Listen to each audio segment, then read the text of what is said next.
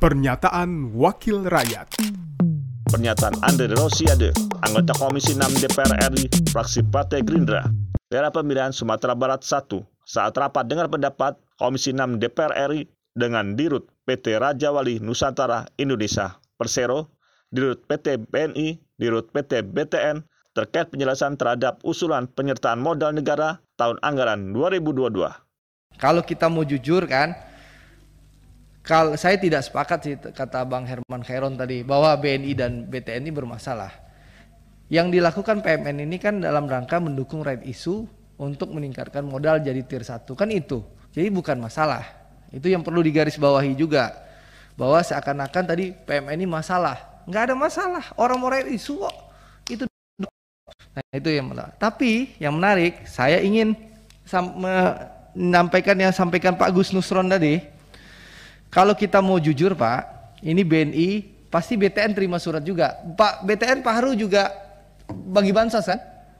Nah, jadi empat bank himbara menerima surat sebenarnya dari Kemensos.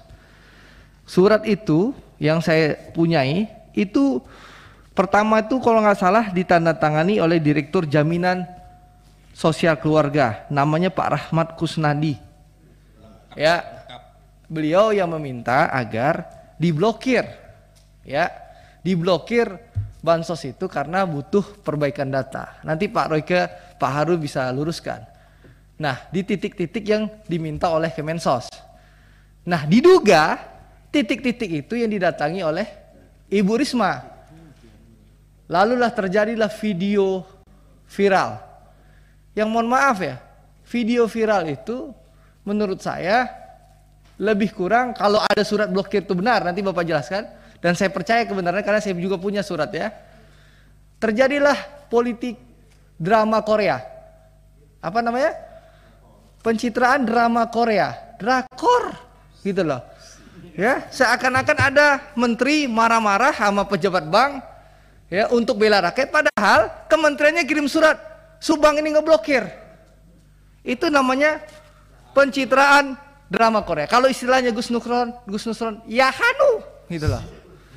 Ya hanu, gitulah. Jadi seakan-akan, mohon maaf, karena apa saya bicara? Karena ini kita Komisi 6 bermitra dengan Bang Himbara.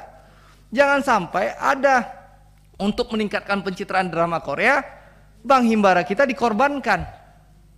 Ya, nah di sinilah di forum ini kita meluruskan. Ya, hentikanlah politik drama Korea untuk pencitraan sehingga mengorbankan institusi negara yang lain. Nah, ini perlu Bapak jawab secara jujur Pak Royke. Saya juga punya suratnya. Nah, setelah drama Korea marah-marah dilakukan, lalu Kemensos kirim surat lagi. Mesuruh membuka blokir itu.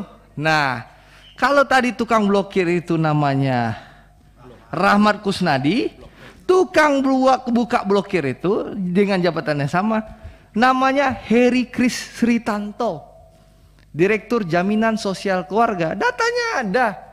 Nggak mungkin bank berani ngeblokir kalau nggak ada perintah.